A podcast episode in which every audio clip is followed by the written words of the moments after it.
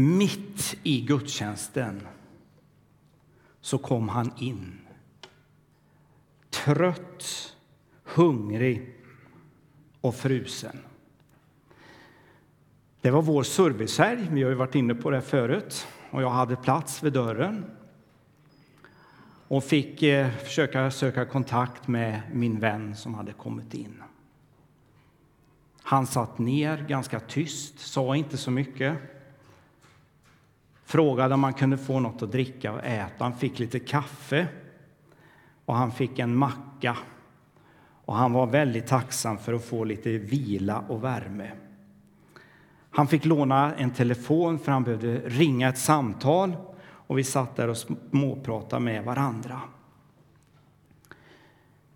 När han skulle gå efter en stund, han satt väl en timme ungefär, för mig, den okände person som kom in, så frågade han mig, du har inte ett par vantar att ge mig? Och jag började fundera. Jag gick och ner och tittade i den här lådan ni vet som vi har av kvarglömda grejer. fanns inga handskar eller vantar. Jag började fundera på mina egna handskar. Skulle jag kunna ge dem till den här okände som satt där? Nej, jag har ju bara de här. De här behöver jag nog.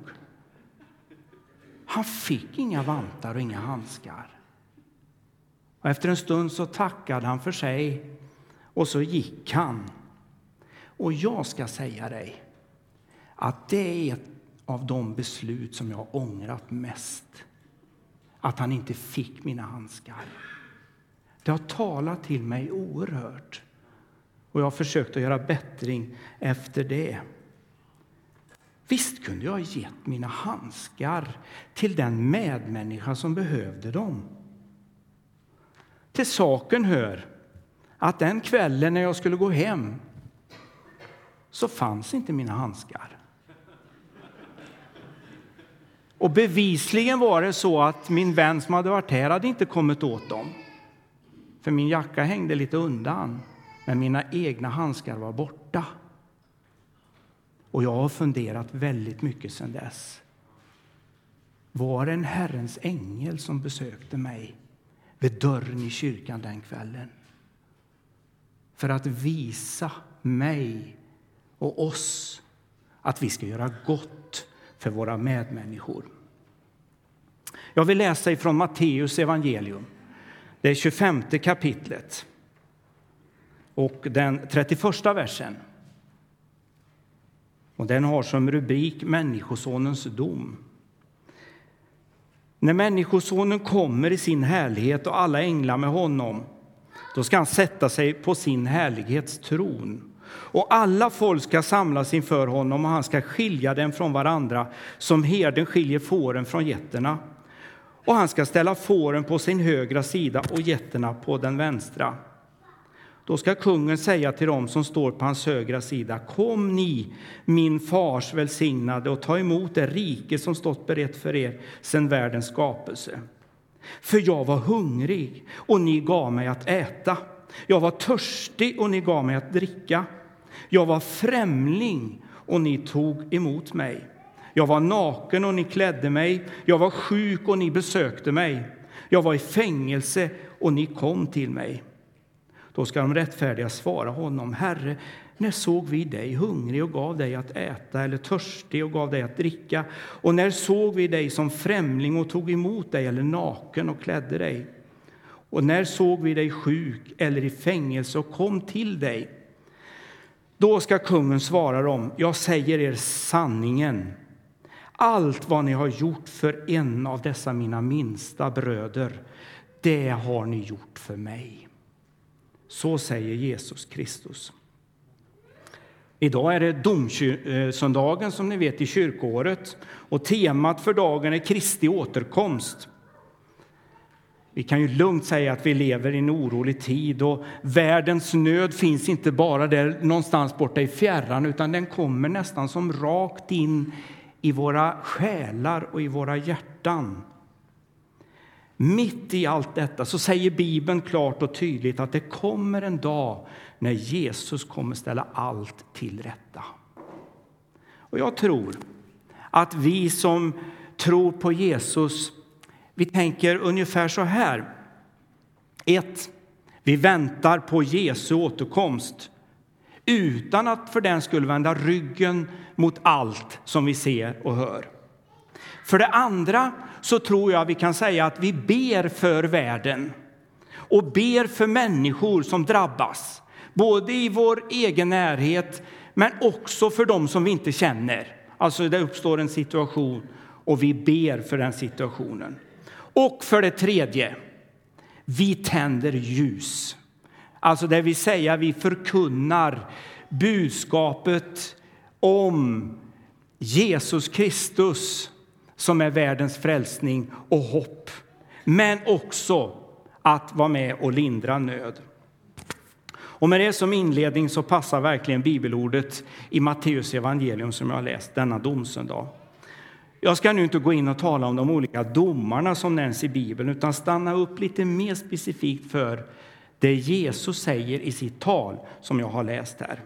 Och syftet med dagens eh, predikan är inte att skrämma eller hota eller, pe eh, eller säga vad bra vi är utan faktiskt peka på all kärlek som vi har fått genom Jesus Kristus och som gör att vi gör goda gärningar. Syftet är också att något visa på Bibelns syn på den utsatte och hur Jesus själv identifierar sig med den svage.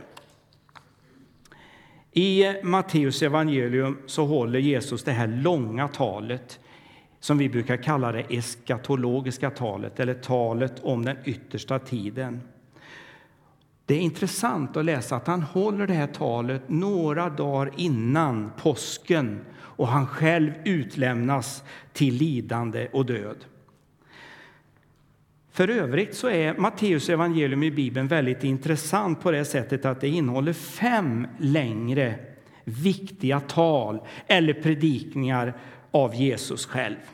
Och den första predikan möter vi i bergspredikan i kapitel 57 där det bland annat står att vi, eller ni som Jesus säger, är världens ljus. Och där läser vi också den bön som Herren, som vi brukar säga, som Herren har lärt oss, nämligen Fader vår. I kapitel 10, som vi har läst lite från redan idag, så möter vi missionstalet eller utsändningstalet där Jesus sänder ut de tolv till att predika om honom eller liksom gå före honom, men också göra gärningar som Jesus själv gjorde. I kapitel 18, eh, i kapitel 13 så möter vi liknelsetalet där vi bland annat läser den här fantastiska liknelsen om det lilla senapskornet, det här minsta kornet som vi någonsin kan tänka oss, men som kan växa och bli det största trädet. Och det handlar egentligen om tron på Jesus Kristus som vi kan få uppleva.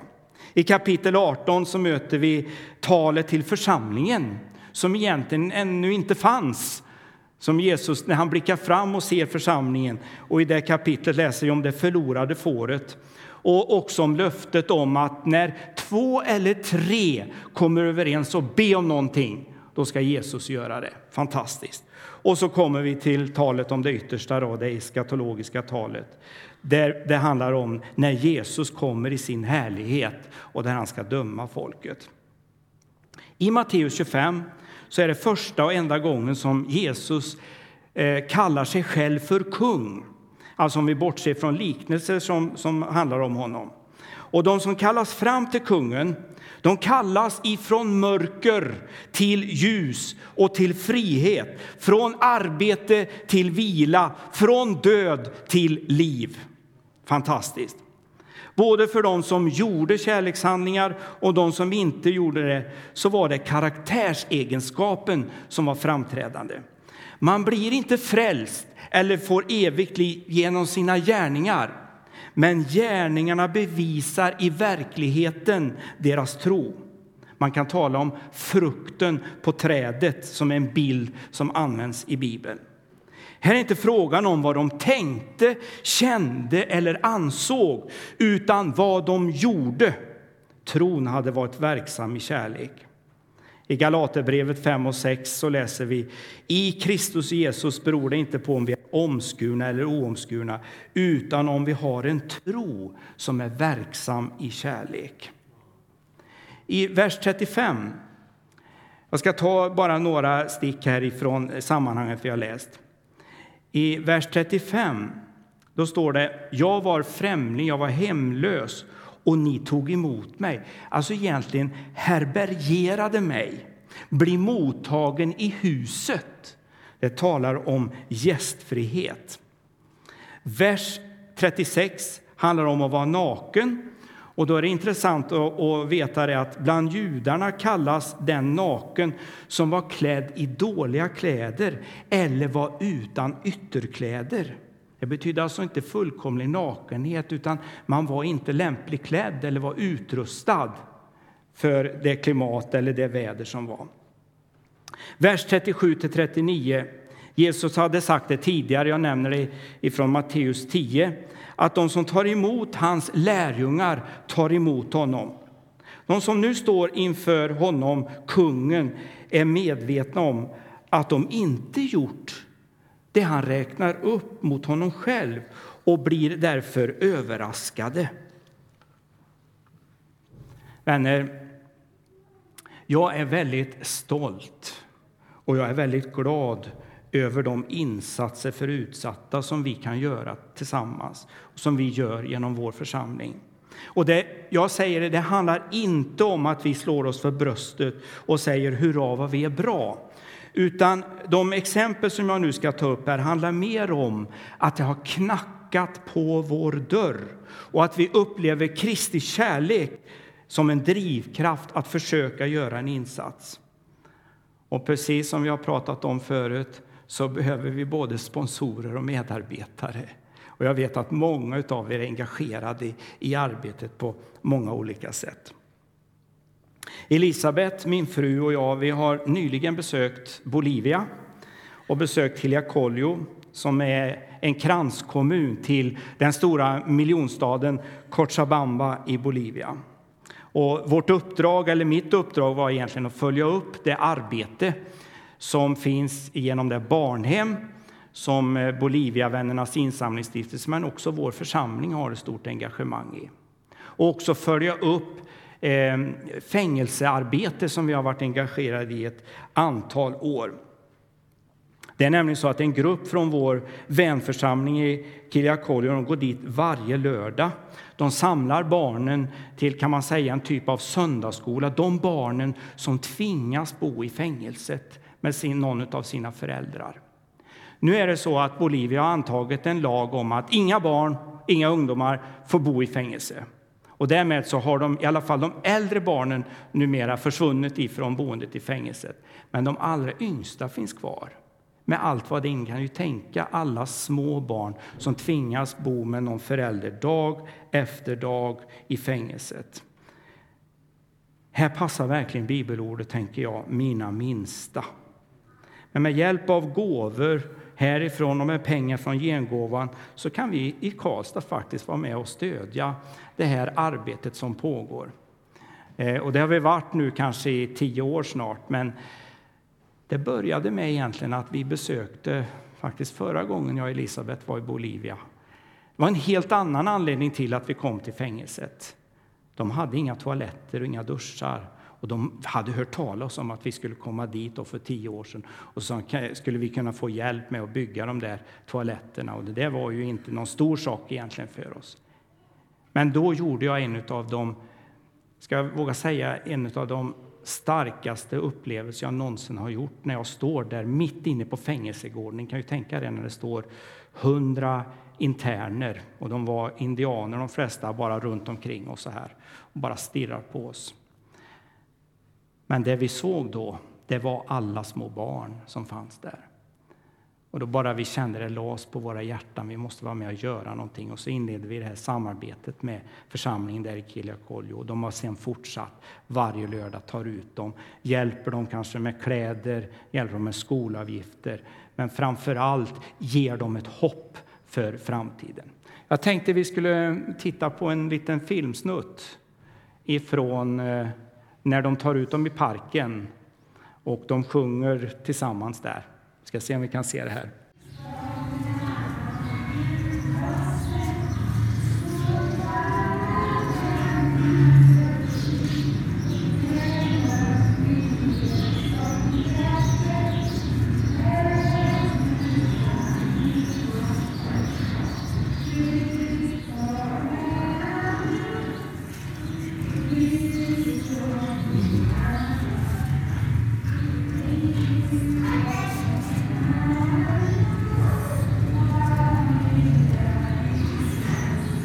Kan stanna där.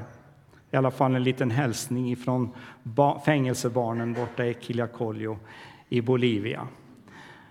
Det som är så fantastiskt i det här sammanhanget också att de som sjunger där och har de här samlingarna har själva varit gatubarn men som har bott på barnbyn Vida Nueva och själv fått uppleva den omsorg och värme och kärlek som den barnbyn och det barnhemmet har gett i många år.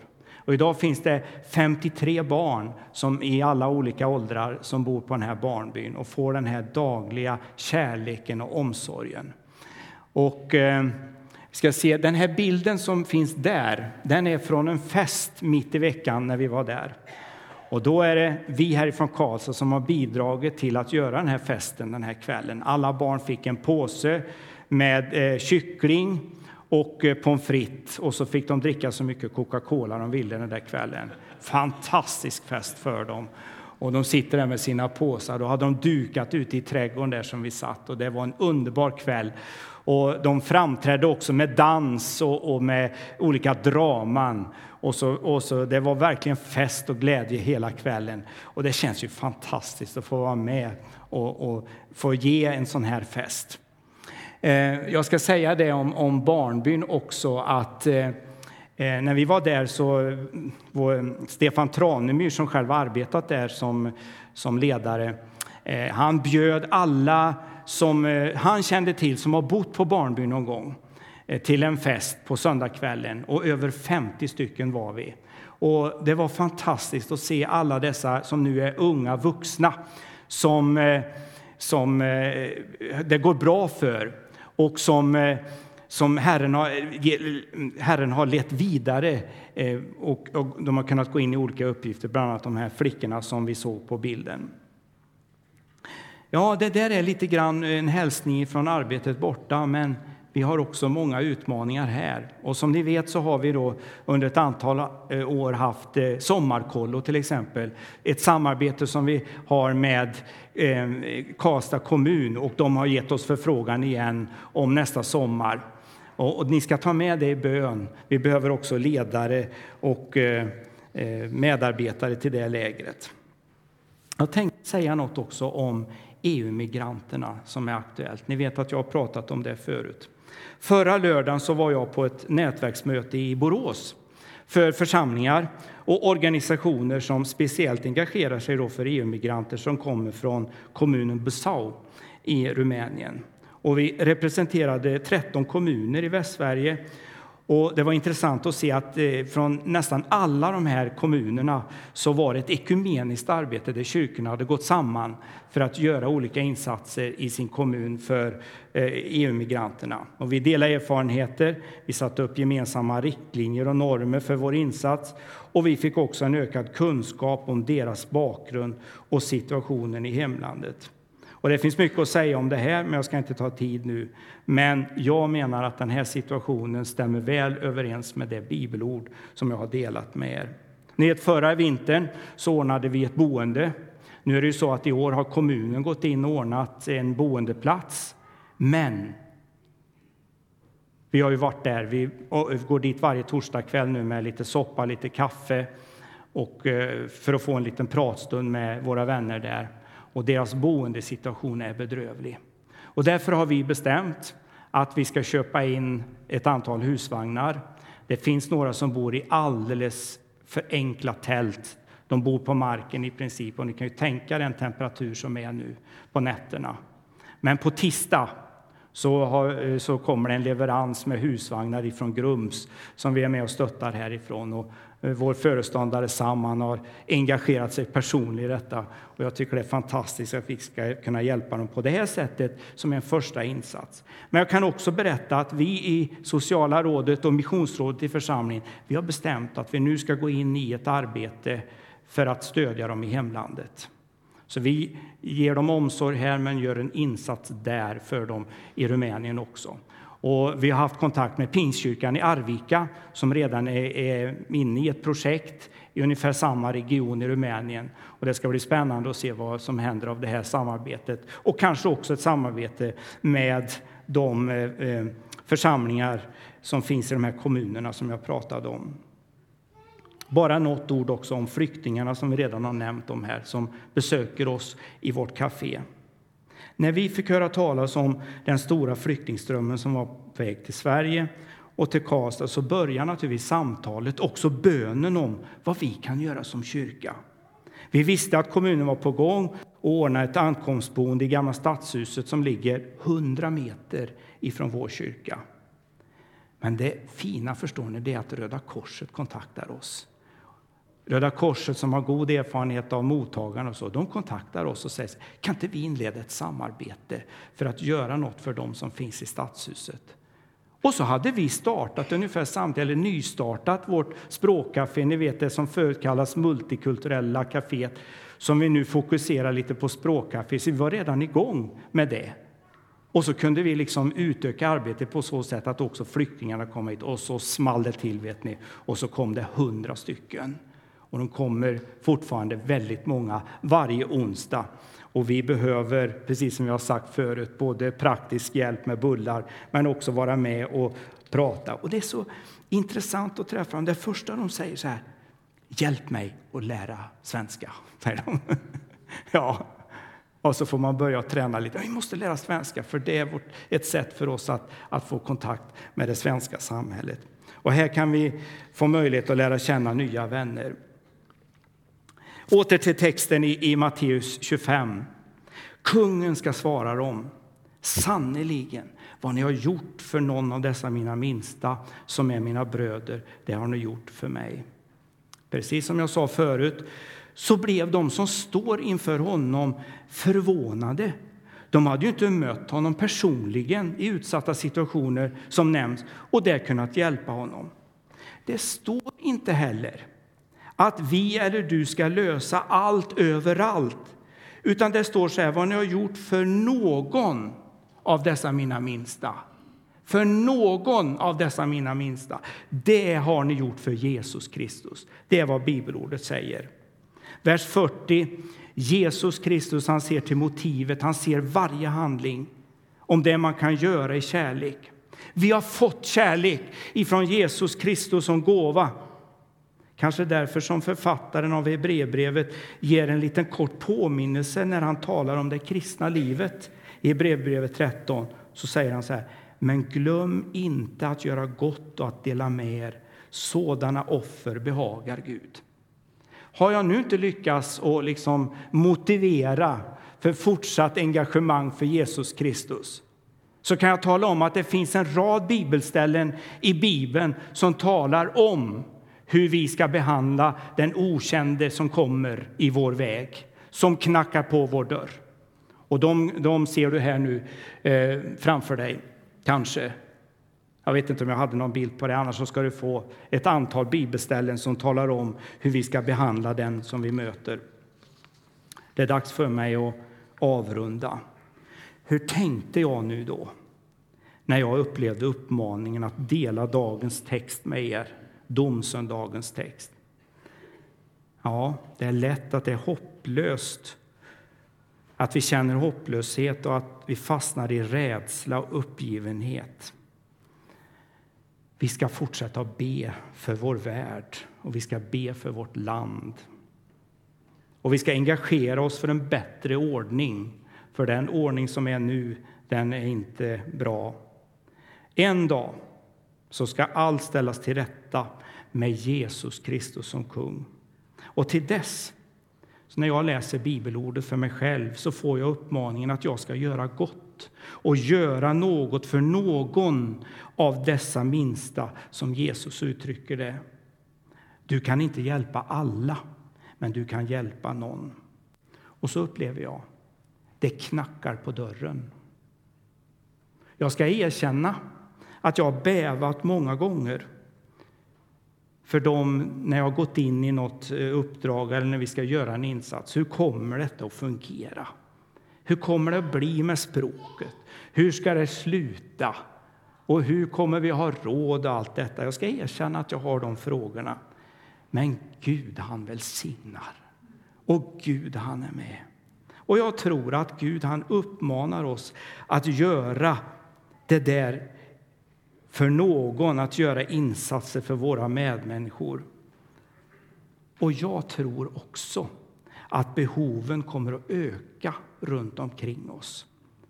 På Fredsgatan, Hamngatan där kyrkan ligger, i Karlstad och i världen där vi får kontakter. Och min fråga till dig, vill du vara med?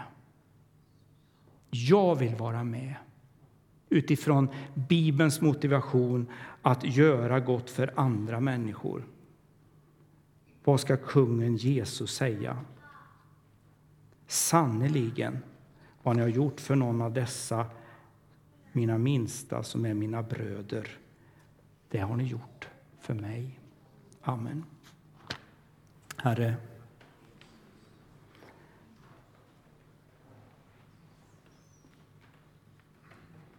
Herre, ditt ord som har talat till mig så starkt den senaste tiden utifrån det här bibelordet, Herre.